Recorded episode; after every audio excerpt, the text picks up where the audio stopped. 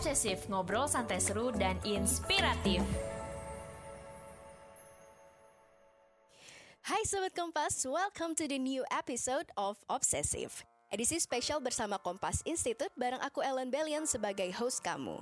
Nah, di edisi spesial ini, Obsesif bareng sama Kompas Institute akan mengajak kalian penggemar dan penulis cerpen untuk mengupas ilmu menulis cerpen bersama penulis dan penyair profesional Indonesia sekaligus pembicara dalam kelas penulisan kreatif cerita pendek yang diselenggarakan oleh Kompas Institute dalam rangka ulang tahun harian Kompas yang ke-54 di tanggal 27 dan 28 Juni 2019 lalu. Obrolan terkait cerpen ini akan dirangkum dalam 4 episode mendatang. So, stay tune terus ya. Sekilas tentang Kompas Institute. Kompas Institute yang didirikan pada Juni 2018 ini adalah wadah pelatihan yang merupakan partisipasi Kompas untuk turut serta mencerdaskan masyarakat. Pelatihan yang diberikan yakni meliputi dunia penulisan serta fotografi jurnalistik berpartner dengan media dan tentang integrated marketing communication. Melalui Kompas Institute, akumulasi pengetahuan dan keterampilan dapat dibagikan kepada masyarakat dengan lebih terukur, terstruktur, dan profesional tentunya. Di episode pertama tentang menulis cerita pendek kali ini, tim Kompas Corner Meiska Irena akan berbincang langsung dengan Mas Trianto Triwikromo atau yang biasa dikenal dengan panggilan Mas Tri. Beliau adalah seorang sastrawan Indonesia kelahiran Jawa Tengah yang karyanya kini dikenal hingga ke negeri seberang nih Sobat Kompas. Salah satu bukunya berjudul Surga Sungsang, berhasil meraih lima besar kusala sastra katulistiwa dan telah diterjemahkan ke berbagai bahasa seperti bahasa Inggris, Jerman, dan Prancis. Mas Tri akan berbagi langsung tentang apa saja sih unsur-unsur yang perlu diperhatikan oleh penulis dalam menulis sebuah rangkaian cerita pendek. Beliau juga akan memberi tips tentang bagaimana proses menyeimbangkan unsur tersebut ke dalam komposisi cerpen yang lebih bermakna. Sobat Kompas pasti udah gak sabar lagi kan dengerin obrolan seru obsesif kali ini? Langsung aja yuk kita simak wawancara berikut. Stay tune! Hai Sobat Kompas, sekarang kita sudah kedatangan seorang sastrawan Indonesia kelahiran Jawa Tengah yaitu Bapak Trianto Triwikromo atau yang akrab disapa dengan Mas Tri ya? Oke. Okay. Oke. Okay. Nah, uh, Mas Tri ini seorang cerpenis ya Mas? Yang saking aktifnya nulis cerpen diberi penghargaan kesetiaan uh, menulis cerpen Kompas. Ya. Tahun 2017 ya Mas? 2017. Iya. Boleh dong Mas diceritain sepak terjangnya Mas Tri ini dalam sastra khususnya perihal cerpen? Oke, saya sebenarnya tidak sekadar menulis cerpen. Uh, saya justru mula-mulanya adalah seorang penyair. Karena itu saya nulis puisi cukup banyak dan pada tahun 2015 buku saya Kematian Kecil Karto Suwiryo menjadi buku terbaik Indonesia versi Tempo. Tapi pada saat yang sama saya juga menulis cerita pendek hmm. eh, tahun 2009 buku saya uh, Ular di Mangkuk Nabi mendapat penghargaan dari uh, pusat bahasa dan kemudian uh, pada kurun yang lain uh, saya juga nulis novel pada tahun 2014 buku saya Surga Sungsang judulnya hmm. itu lima besar uh, kusala sastra katulistiwa ya. Oh ya. Kemudian uh, buku itu kemudian juga mendapatkan banyak apa namanya tanda kutip keber, ke apa penghargaan hmm. karena diterjemahkan dalam banyak bahasa. Misalnya apa tuh bahasanya mas? Uh, bahasa Inggris, hmm? Upside Down judulnya. Kemudian bahasa sebagian sudah diterjemahkan dalam bahasa Jerman. Uh. Dan kemudian uh, Maret lalu saya diundang peluncuran ke Paris, Prancis untuk judul buku, untuk buku yang sama Surga Sultan tapi dalam bahasa Prancis uh, Au Paradis on Marseille sur la tête judulnya dalam bahasa Prancis. Uh, Oke okay deh. Uh, jadi karena kita fokusnya hari ini ke cerpen dulu nih Mas. Uh, kan sayang nih kalau udah ngundang Mas Tri tapi nggak mengulik apa sih rahasia di balik menulis cerpen yang bermutu dan berkesan. Nah, uh, jadi apa sih pilar-pilar utama yang membangun sebuah cerpen untuk dia jadi sebuah cerpen yang bermutu dan berkesan untuk membacanya. Ya. rahim dari segala cerita itu adalah konflik. Mhm. Ya. Begitu kita ketemukan sebuah konflik, maka sesungguhnya konflik itu hanya butuh ditubuhkan atau didarah dagingkan lewat tokoh. Tokoh-tokoh yang menghadapi konflik itu siapa? Kemudian sang siapa itu berhadapan dengan eh, siapa juga? Apakah orang lain? Apakah alam? Apakah Tuhan? Hmm. Apakah diri sendiri? Iya. Ya. Konflik itu kemudian memunculkan satu pertanyaan besar. Konflik itu diselesaikan dengan apa?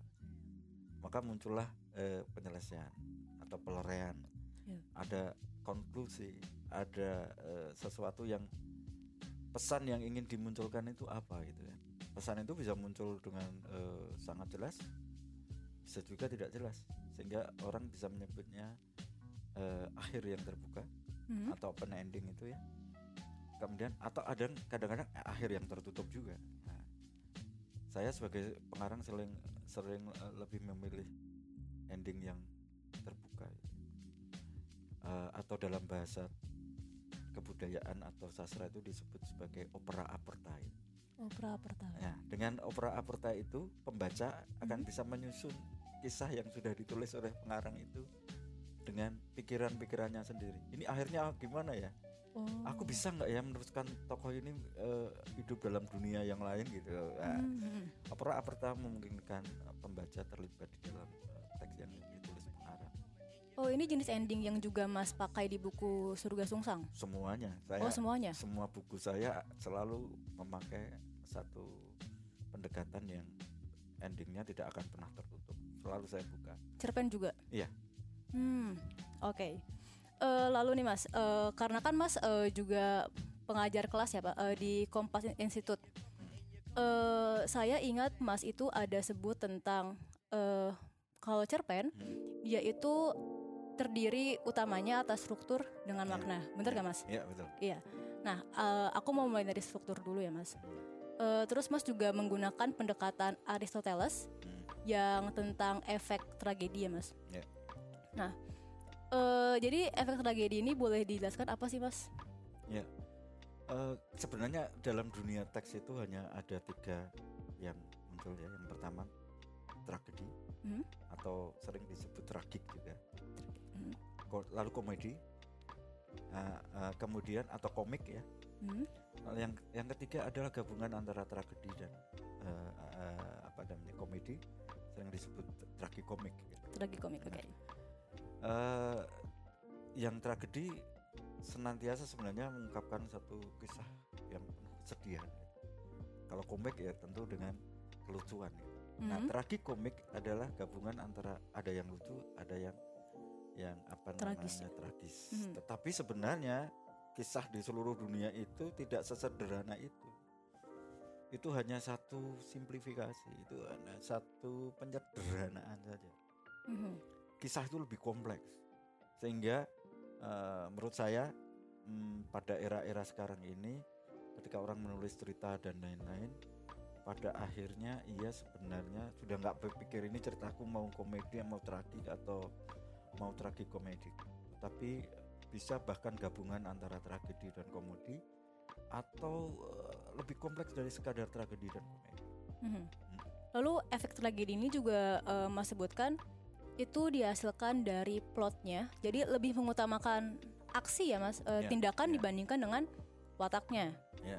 Nah lalu eh, dan katanya juga Mas sebut eh, untuk menghasilkan efek tragedi ini membutuh eh, cerita harus mempunyai keseluruhan atau wholeness. Ya.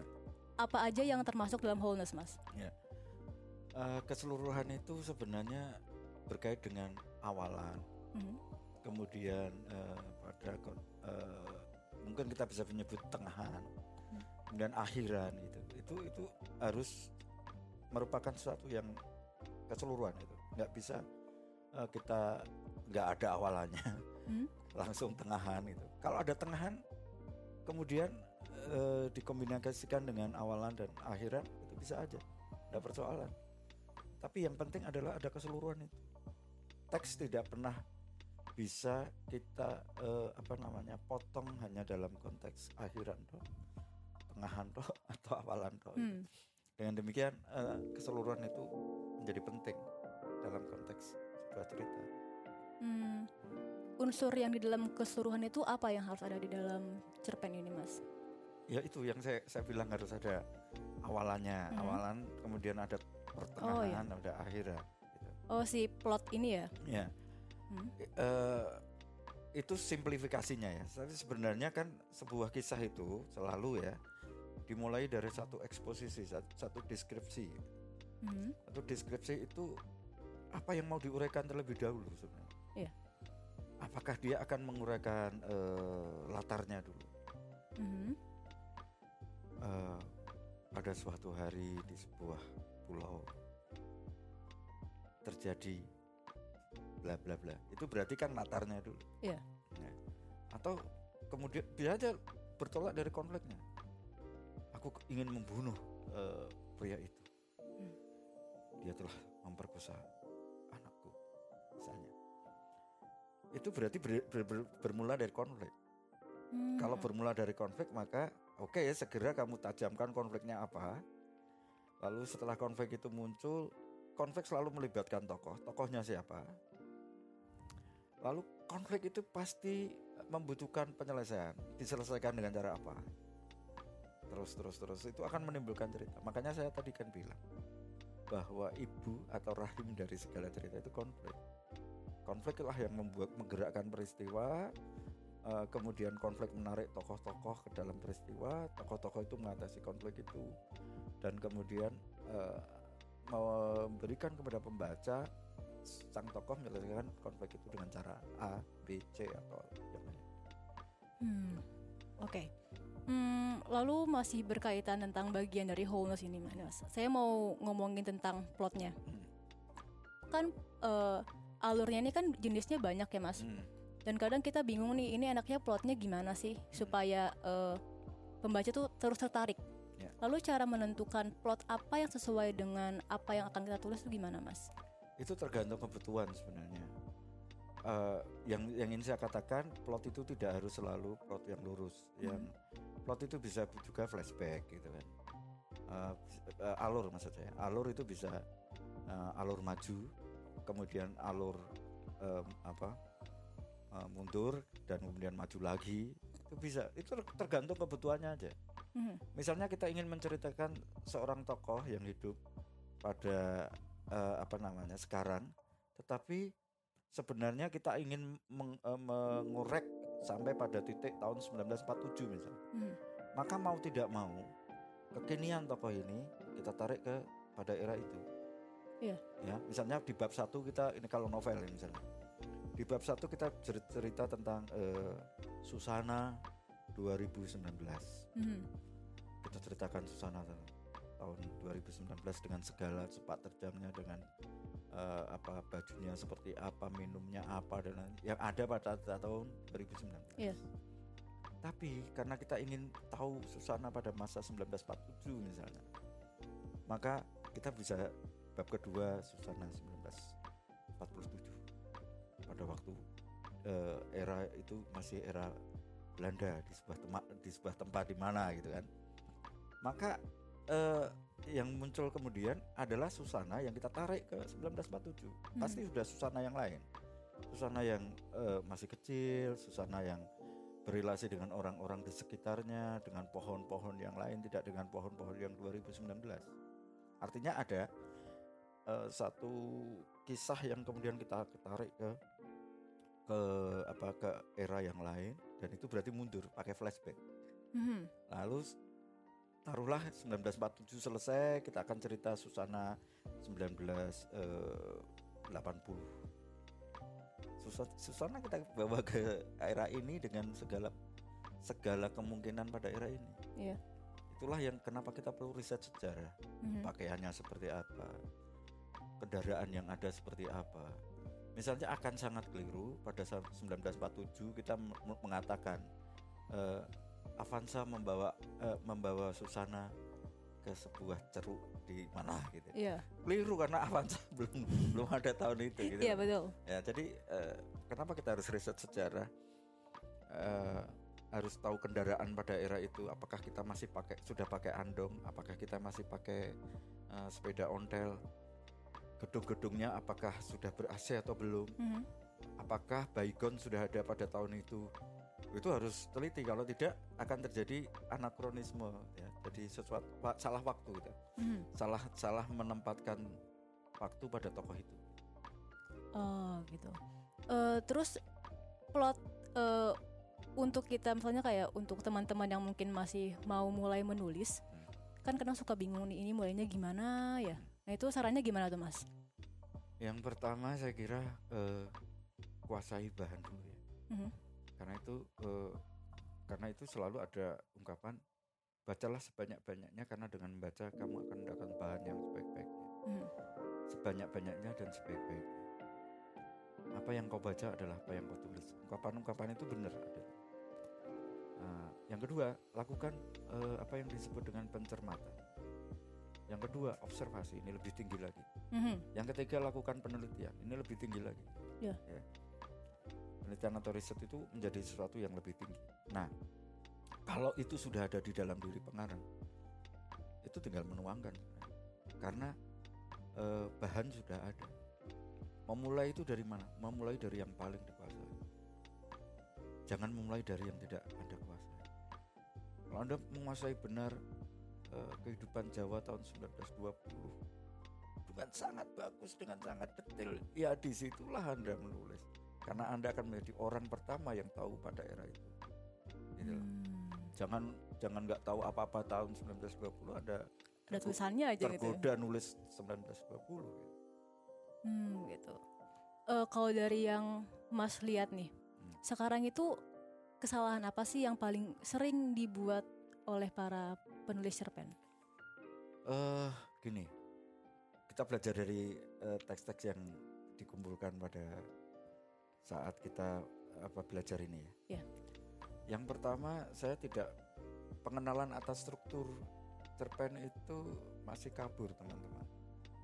Artinya para pembuat cerpen itu tidak menganggap cerpen itu sebagai suatu struktur yang harus dikomunikasikan Mhm.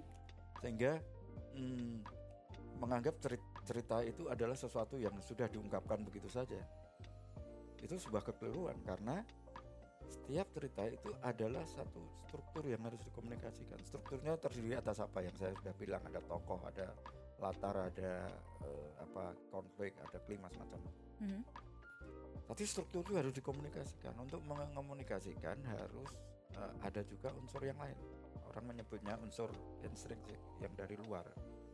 Ya, ada ideologi, norma, macam-macam, eh, kondisi psikologis, pengarang dan lain-lain yang harus disampaikan kepada publik. Kenapa demikian? Karena sastra itu adalah bukan sesuatu yang turun dari langit begitu saja.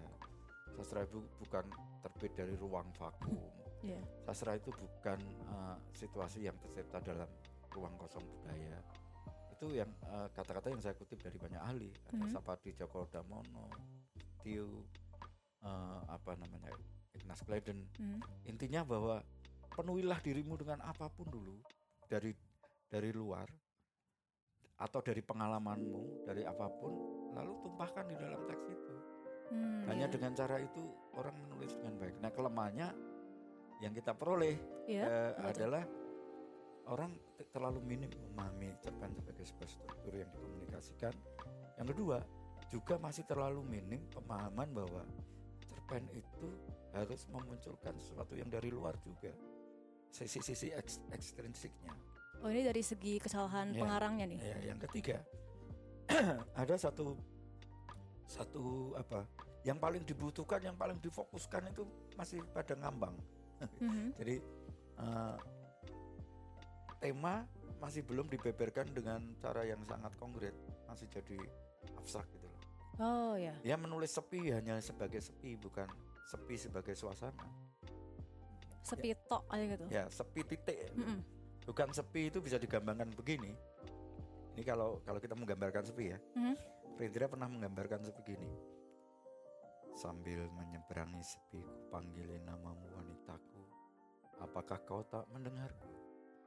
Malam yang berkeluh kesah, memeluk jiwaku yang payah yang resah. Karena memberontak terhadap rumah, memberontak terhadap adat yang melata. Dan akhirnya tergoda cakrawala. Ini Rendra pernah Asik dengernya ya. ya, menggambarkan kesepian tuh dengan cara itu. Hmm. Artinya itu bukan sepi sebagai sepi. Hmm. Itu dilanjutkan dengan kalimat begini. Gimana? Keheningan sesudah itu seperti telaga yang beku dan aku beku di tepinya. Gila nggak? akal sekali. iya. Enggak ini untuk karena saya seorang dosen yang harus gambarkan pada Iya. mahasiswa Hmm. saya gitu. Ada juga Remi Silado itu pernah menggambarkan sepi dengan sangat indah juga. Dia bilang begini. Kau ngapa sih ujuk-ujuk membangkitkan aku dari tidur nyenyakku? Ia bukan nolong anjing ala Frankenstein atau kicau burung ala Sandors, tapi semata suara dari ragaku yang kering akan iman. Aduh mak, katulungan wangkau di sini di sal anu rumah sakit anu di mana penantian akan fajar adalah penantian sepanjang abad. Gila kan? Banget. Dia, dia gambarkan kesepian. Hmm. Nah kita belum sampai pada taraf itu waktu tadi bela- belajar ini Hmm. Masih belum mengonsepkan sesuatu yang yang seharusnya tidak semata-mata konkret. Sepi ya harus jadi sepi suasana, lapar ya jadi lapar suasana. gitu. Sedih ya jadi sedih suasana. Ini belum. Hmm. Dia sangat kejam misalnya. Ya udah sangat kejam aja digambarkan begitu. Bukan dia menggambarkan gini. Kepala itu dibenturkan ke tembok. Hmm. darah mengucur darah memburai di tembok itu itu kekejaman Jadi kekuatan tuh di deskripsi ya kekuatannya Di- itu. di suasana mengubah dari sesuatu yang eh, abstrak menjadi konkret gitu. sedih Oh. jadi tidak jadi cuma sedih kejem tidak cuma kejem Tapi di breakdown lagi. iya menjadi sesuatu yang detail yang orang nggak usah dikatakan sedih itu sedih nggak usah dikatakan eh, lapar ya itu lapar Hendra pernah ngomong gini kelaparan adalah burung gagak selalu menakutkan itu coba kelaparan adalah burung gagak selalu menakutkan itu memba- membanggakan orang pengemis yang sedang kelaparan Ya. dan dia takut melihat burung gagak karena gagak mengingatkan pada kematian. Kalimat itu sudah mengajak kita memahami bahwa eh ngeri ya lapar itu. Iya. Nah itu. Itu kan kayak lapar kita kan kayak biasa aja Iya, tapi ini iya. dibikin Hmm. estetik gitu ya, Pak. Diperdalam lagi. Mulutmu lapar ya Allah. Mulutmu menggenggam eh, pecahan gelas kaca. Mulutmu menggenggam pecahan Mm-mm. gelas kaca. Gila gak? Perih ada perih. Iya. Itu namanya. Visualnya dapat banget itu gitu ya. namanya itu namanya adalah bagaimana hal-hal yang abstrak itu menjadi konkret penyakit cerpen Indonesia itu antara lain tidak bisa menjadikan hal-hal yang konkret eh, apa abstrak menjadi konkret. Yang kedua hal-hal yang absurd. Hmm. itu ya digambarkan hanya sebagai sesuatu yang absurd. Tidak tidak terjelaskan kenapa absurd tidak. Ya, banyak hal yang prinsipnya adalah hanya teori tapi tidak menjadi eh, hal-hal yang dikembangkan sedemikian rupa menjadi suasana. Sehingga banyak orang menyebut to- cerpen Indonesia itu topikal tidak cerpen-cerpen yang suasana. Yang baik adalah cerpen yang harus jadi suasana Hmm, hmm.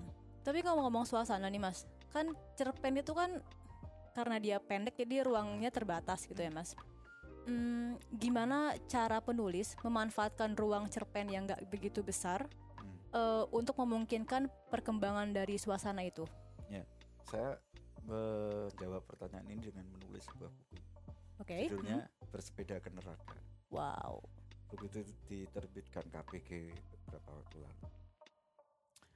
Eh, saya mencoba kalau kamu punya satu lembar apa yang bisa kamu lakukan dengan satu lembar? Apakah kamu bisa membuat teks dengan eh, apa namanya satu sublimasi tertentu? Jangankan satu lembar hanya dengan satu kalimat itu bisa. Makanya dalam satu teks itu saya pernah membuat judul begini. Eh graffiti di rumah sakit gitu. Hmm. saya hanya menulis gini setiap sejarah punya luka-lukanya sendiri juga sejarah kita yang tak punya rumah sakit lagi judulnya Gravity di rumah sakit kalau Gravity itu kan hanya sebuah tulisan di tembok gitu kan Hmm. ya udah itu tem- tulisan di tembok itulah yang yang muncul di dalam teks itu tapi coba anda renungkan setiap sejarah punya luka-lukanya sendiri. Juga sejarah kita yang tak punya rumah sakit lagi. Kayak dingin gitu rasanya. nah ya artinya hanya dengan satu baris pun bisa. Keterbatasan bukanlah sesuatu yang membunuh. Keterbatasan itu justru memancing kreativitas. Saya pernah menulis judulnya rahasia yang ditinggalkan malaikat Jibril di Gua Hiro dalam tiga lembar teks. Di tiga lembar teks itu hanya ada saya kasih tiga titik. Halaman satu saya beri titik. Halaman dua saya beri titik di tempat yang lain. Halaman tiga saya beri titik yang lain. Artinya apa? Artinya pembaca harus ini apa sih? Ya namanya rahasia kok. Rahasia kan mau dikasih apa pun ya ter- terserah ya rahasia Jadi tiga lembar tapi isinya hanya tidak titik artinya apa? Keterbatasan atau keleluasaan itu tidak perlu menjadi sesuatu yang bermasalah. Tinggal kreativitas kita apa? Dibeli tiga lembar saya kasih tiga titik. Tapi harus ada kecerdasan di sana. Kecerdasan membuat judul misalnya. Rahasia yang ditinggalkan oleh malaikat Jibril di gua Hiro. Ya dengan dengan begitu apa sih yang ditinggalkan ya kita kan nggak tahu rahasia kok Rahasia. Nah, it's okay Hmm. artinya kita bermain di dunia gagasan Hmm. dalam dalam teks yang yang terbatas atau tidak terbatas itu bisa ditaklukkan kalau kita benar graffiti tadi kan ya udah namanya graffiti Iya. teksnya hanya selembar dua lembar ada persoalan Tapi kalau misalnya kayak masih yang pemula banget, mungkin kan belum bisa out of the box itu tuh mas. Iya. Nah triknya gimana nih mas? triknya ya segera temukan konflik. Segera temukan konflik. Karena seka- sekali lagi begitu anda temukan konflik 75 sampai 85 persen atau 80 persen itu anda sudah menulis cerpen. Hmm. Ya. karena begitu konfliknya udah ketemu anda akan langsung cari tokohnya. Karena tokoh itulah yang akan berkonflik nah, segera temukan konflik temukan tokohnya latar waktu mengikuti. Langkah pertama langkah kedua tentu sebelum menemukan konflik itu temanya yang mau diomongkan apa? Kita mau nulis tentang anti kekerasan nih. Hmm. ya anti kekerasan eh, langsung aja. Anti kekerasan ini eh, tokohnya siapa? Ya tokohnya A itu. A melawan siapa? Itu sudah berurusan dengan konfliknya. A melawan, A melawan seseorang atau A melawan dirinya sendiri atau A melawan Tuhan dengan demikian udah tidak usah banyak halaman pun konflik itu sudah muncul konflik itu sudah muncul penyelesaian itu sudah muncul Hmm. Cara membangun nilai estetikanya di space yang segitu terbatasnya. Eh, itu memang butuh latihan ya, butuh Hmm. latihan panjang. Eh, estetik itu kan gabungan an- penggabungan antara bagaimana konten dan dan bentuk. Hmm. Kalau dalam cerpen eh, estetik itu eh, tidak kentara sebenarnya. Kalau dalam puisi kentara karena eh, berkait dengan bunyi, berkait dengan tipografi. Kalau dalam cerpen, keindahan cerpen itu lebih kepada makna.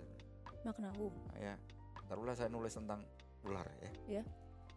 Eh, di situ saya katakan eh, saya mati. Saya, saya ingin jadi ular dan lain-lain sampai pada titik kali ini saya nggak mau jadi ular. Saya, saya ingin jadi katak saja.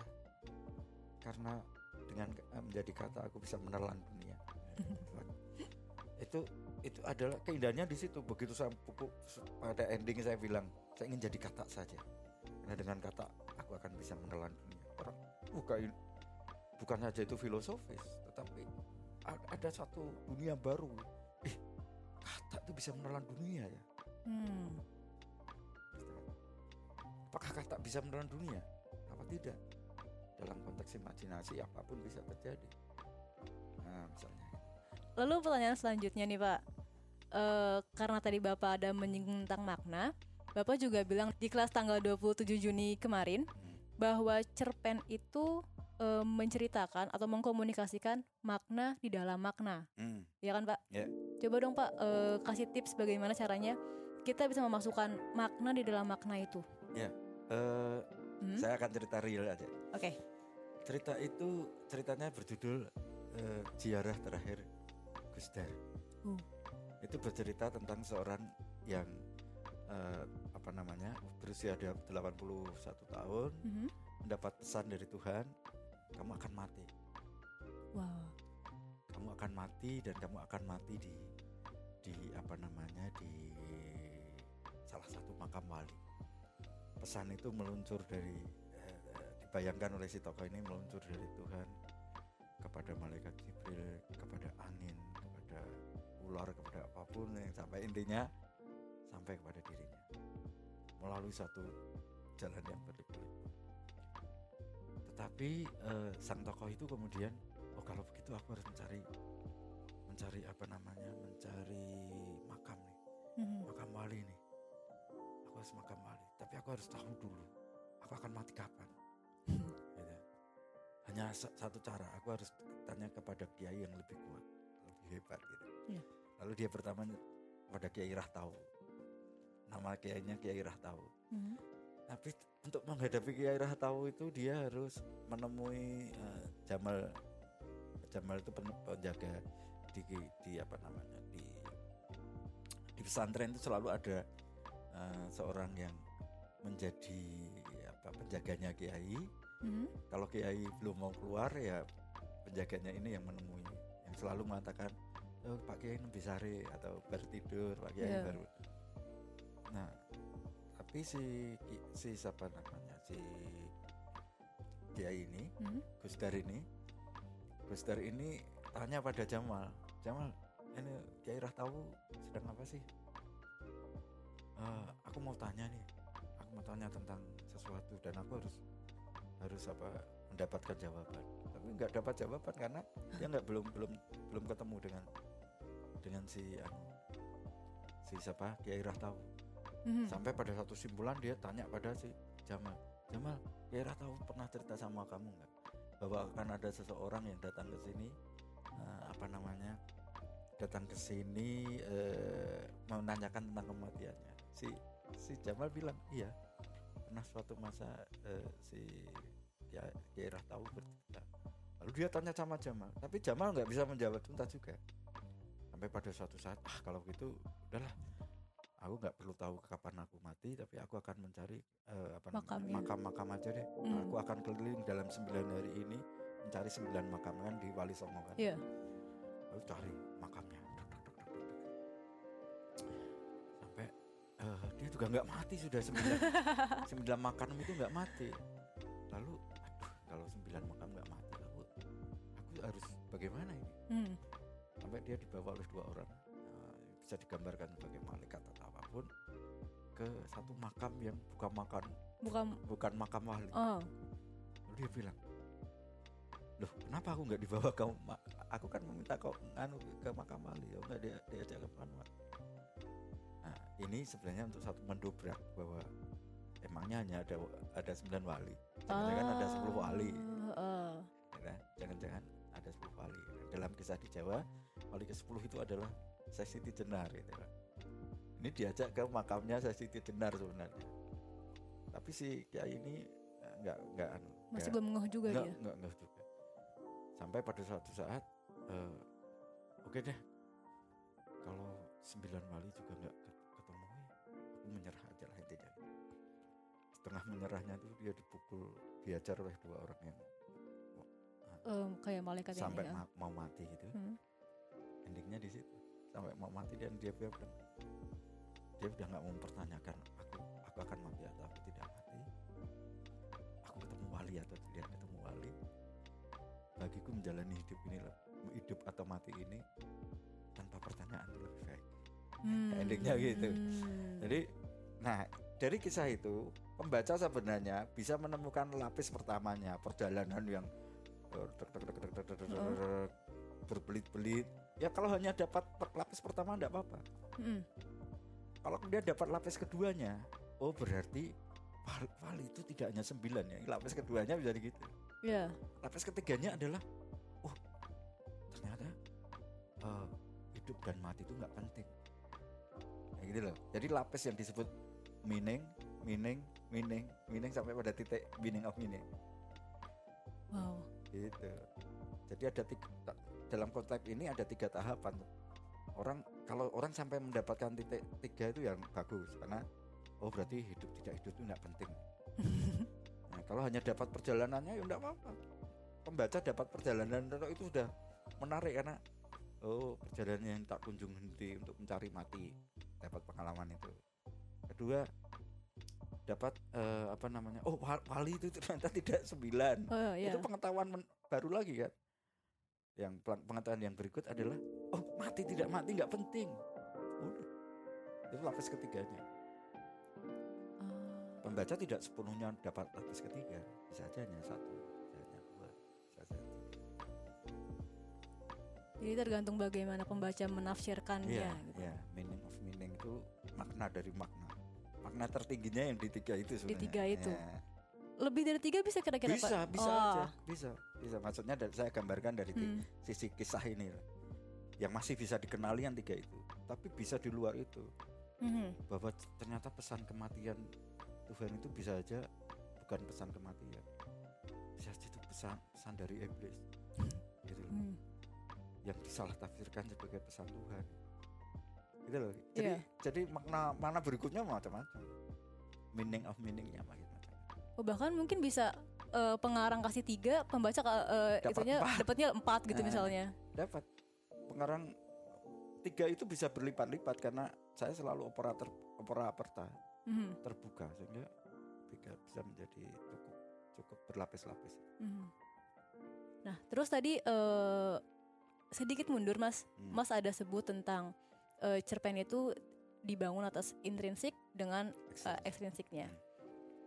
Ekstrinsik itu kan eh, di luar cerpen itu ya Mas. Hmm.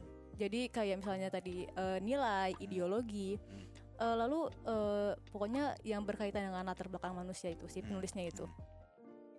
Eh, tapi mungkin gak sih mas eh, untuk kita menanggalkan ekses dari latar belakang itu ketika kita menulis. Jadi kayak kita tidak dip- dipengaruhi dari latar belakang itu. itu sesuatu yang tak terhindarkan nggak bisa Trianto menghilangkan kejawaannya atau katakanlah eh, beli Mhm. beli putu artanya tuh gak cerpen-cerpen beli putu artanya kan tidak bisa meninggalkan kebaliannya juga. Hmm. di jejak apa pun deh. Situasi kondisi ko- sosiokulturalnya itu pasti mengikuti. Meskipun ya meskipun dalam cerpen-cerpen tertentu yang tidak berde- ber- berlatar belakang Bali atau Jawa bisa saja itu sedikit tanggal tapi tetap aja alam pikiran ideologi dan lain-lain Mempengaruhi. itu memari itu terbukti dalam beberapa cerita saya yang eh, apa settingnya eh, luar negeri misalnya Mhm. tidak mungkin dong orang luar negeri ber, ber misalnya tokohnya eh, Marx gitu Hmm. nggak mungkin dong saya Marx itu orang Jawa Iya. tinggal di Berlin gitu nggak pasti eh, ada yang tertanggalkan tapi di balik ketertanggalan itu ada gesekan sih ada kejawaan yang menyusup sedikit misalnya atau kebalian yang menyusup sedikit di dalam teks yang eh, katakanlah bersetting luar negeri itu. Ada pasti ada. Karena ideologi itu a- a- selalu muncul di dalam diri eh, norma selalu muncul di dalam diri kondisi psikologis itu tak terhindar. Mhm. sehingga itu adalah suatu situasi kondisi yang melekat yang sedikit atau banyak memengaruhi penulis itu ketika melahirkan tokoh melahirkan konflik dan lain-lain bahkan saya nulis Metamor Kafka Mhm. novel berla- bersetting Berlin dan Praha itu ada banyak unsur Jawanya karena saya orang Jawa Ngakalinnya gimana tuh mas? misalnya gini ya tidak tidak kemudian eh, menjadi muncul banget gitu ya Mhm. eh, misalnya muncul dalam konsep penceritaan. Ya. Ya. Eh, saya nulis eh, Metamor Kafka ini dengan konsep lagu Jawa. Oh. Eh, konsep lagu Jawanya gini. Yuk eh, eh, Yo dogo lek asem di PP Petro di sigar sigareng bacil bagong gitu. Itu konsep lagu Jawa. yang menghubungkan eh, apa baris-baris terakhir ya. Ya udah golek asem mar di PPP truk di sigar-sigar reng itu kan kalimat baris baris terakhir dihubungkan dengan baris yang ini. setelahnya itu Nah, Mm. cerita saya gitu bab pertama berakhir dengan pembunuhan X gitu ya ya misalnya berakhir dengan pembunuhan X iya pembunuhan X itu menjadi awal dari bab saya yang kedua Seret. Mhm, ya iya. berarti arti artinya sem mar marnya di sini oh iya, ya, iya, itu iya. konsep Jawa konsep Jawa itu. Ya udah golek asemar lagu Jawa. Saya memakai lagu Jawa itu untuk membuat struktur. Struktur novel itu. Oh, ya paham ya? Dari akhiran akhiran yang ya udah golek asem. Mhm. sem itu kan kemudian di mar itu marnya itu sudah bab kedua. Ya. di PPP Petro itu bab ketiga. Mhm. ya terus jadi ada ada satu lag- lagu itu jalin menjalin kemudian menjadi satu struktur. Saya saya, saya pakai pola itu. Atau dalam lagu Indonesia ada sih. Hmm, dua sejoli menjalin cinta cinta bersemi dari SMA Gali dan Ratna mengikat janji Hmm. janji setia setia abadi. Gitu kan? Oh sama polanya ya? Polanya kan sama Oh. itu. Dari pola yang sama itu itu Jawa banget menurut menurut saya ya. Hmm, yang yang tadi. Mhm. Ya pola Jawa yang kedua adalah saya menggunakan eh, satu tembang Waljina itu. Di buku yang sama juga? Iya polanya gini. Man paman sing yang jaran niku napa wonten popok beruk keli. Nah, dia- dia tanya pada yang memandikan kuda itu. Mhm. ada kain popok popok popok itu yang popok yang hanyut. Dia tanya pada pengguyang apa pem- pemandi kuda. Sang pemandi kuda bilang orang do ora ono. Kowe coba takono sing sing guyang sapi? Ya, dia dia tanya man paman sing guyang sapi niku napa wonten popok beruk keli lagu itu Mhm. saya gunakan sebagai eh, untuk menyusun alur ya. Untuk menyusun alur alurnya itu gini. Di bab satu ada eh, Kafka dan Grigor Samsa Mhm. Kafka yang sapi dan Grigor Samsa yang yang apa namanya kecoa itu men- mencari Tuhan. Iya. di bab kedua. Nggak ketemu tuh. Yang bab satu nggak ketemu. Coba deh cari dengan cara lain yuk. Di bab dua gitu. Lalu di bab dua dia menghubungi banyak binatang para binatang kemudian oke deh yuk cari kita bareng. Cari di mana? Tanya King Solomon yuk. Karena karena hanya Raja Sulaiman yang akan bisa menjawab. Nah, terus bab berikutnya eh emang Raja Sulaiman ada di Berlin gitu? Nggak mungkin dong Raja Sulaiman di Berlin. Terus ada satu jawaban emang emang aku menjadi kecoa itu tiba-tiba saja? Emang aku menjadi sapi juga tiba-tiba saja? Oh ya kalau begitu mungkin saja dong eh, Nabi Sulaiman itu ada di Berlin ayo kita cari di mana pun Nabi Sulaiman berada. Itu kan dari konsep lagu man paman sing yang jaran niku napa wonten pepok guru keli Iya, gitu. Cerderet sampai pertanyaan sampai ending itu. Oh gitu. Itu Jawa banget. Iya oke. Lalu nih mas ini terakhir. Nah, eh, eh, masih ngomongin tentang unsur ekstrinsiknya dari cerpen lingkungan kita kan mempengaruhi kita hmm, dalam menulis itu. Hmm. Gimana caranya supaya kita eh, meningkatkan kepekaan kita dengan keadaan di sekitar kita? Jadi kita nggak cuma sebatas kayak terjebak dalam momentum tapi juga bisa mem- juga bisa memanfaatkan momen itu. Setiap pengarang tuh ah, salah satu hal yang harus dilakukan ia har- harus beradaptasi dengan lingkungan di, di mana dia menulis. Mhm. dengan adaptasi itu dalam bahasa Jawa sangat bagus namanya ajur ajar Mhm. ajur dengan ajur ajar dengan adaptasi itu eh, orang akan bisa mancolo putri mancolo putro Mhm. ini konsep Jawa yang saya gunakan untuk menjelaskan dengan kamu melakukan adaptasi kamu bisa menjadi siapa pun apa pun di ruang tempat kamu uh, beradaptasi itu. Makanya dalam konsep saya konsep Jawa itu disebut mancolo putro mancolo putri. Mancolo putro mancolo putri itu adalah kamu bisa menjadi tokoh siapa pun karena kamu sudah tahu kamu jadi tokoh siapa pun dengan bahan yang ada sudah ada di situ gitu. Hmm, iya. ya jadi adaptasi itu menjadi penting banget itu yang atau acur-acir ya di-highlight, dalam iya. konsep Jawa itu.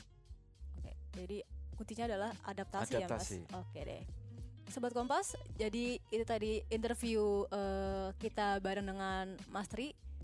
Terima kasih banyak untuk Mas Tri atas waktunya. Semoga eh, interview kita bermanfaat. Eh, see you. Gimana nih Sobat Kompas? Setelah mendengar sesi perbincangan Meiska dengan Mas Trianto ini, pasti kalian jadi lebih memahami unsur-unsur penting dalam menulis cerpen, bukan? Untuk melengkapi episode kali ini, seperti biasa, aku akan membagikan beberapa poin penting yang dapat kita pelajari. Nah, yang pertama nih, menurut Mas Trianto, induk dari segala cerita adalah konflik. Konflik yang menggerakkan peristiwa dan nantinya akan hidup melalui tokoh-tokoh dalam cerita hingga ditemukan resolusi atas konflik tersebut. Yang kedua, cerita pendek membutuhkan keseimbangan antara pemenuhan unsur intrinsik yang utamanya dibangun atas struktur yang utuh dengan makna dan pemenuhan unsur ekstrinsik yang dapat dilakukan dengan mencari dan menginternalisasi pengalaman sebanyak-banyaknya. Yang ketiga, ruang gerak penulis dalam penyusunan cerpen memang terbatas. Namun, keterbatasan tersebut bukanlah untuk menghalangi kreativitas kalian. Kuncinya adalah perbanyaklah latihan. Ingat, practice makes the master. Dan yang terakhir nih, perkaya cerita pendek dengan kejelasan. Cerpen yang berkesan adalah cerpen yang bisa membangun suasana sejelas-jelasnya bagi pembaca. Penulis bisa memulai langkah awalnya dengan menuangkan apa yang penulis sudah ketahui dan kuasai. Kemudian, penulis juga bisa meningkatkannya melalui observasi dan riset. Berakhirlah episode obsesif kita kali ini. Aku pengen ngingetin Sobat Kompas untuk dengerin terus episode obsesif lainnya dengan subscribe via Spotify or Apple Podcast. Selain itu, buat kamu yang gak mau ketinggalan berita terbaru dari Harian Kompas, langsung aja unduh aplikasi kompas.id di smartphone kamu atau juga bisa diakses langsung secara berlangganan melalui website kompas.id. Podcast episode kali ini merupakan kolaborasi bersama dengan Kompas Institute. Jangan lupa kalau obsesif masih punya obrolan menarik tentang dunia cerpen di episode berikutnya. So stay tuned. I'm Ellen and see ya in the next episode. Bye-bye. Thank you for listening to Obsesif Ngobrol Santai Seru dan Inspiratif. See you on our next episode. Bye-bye.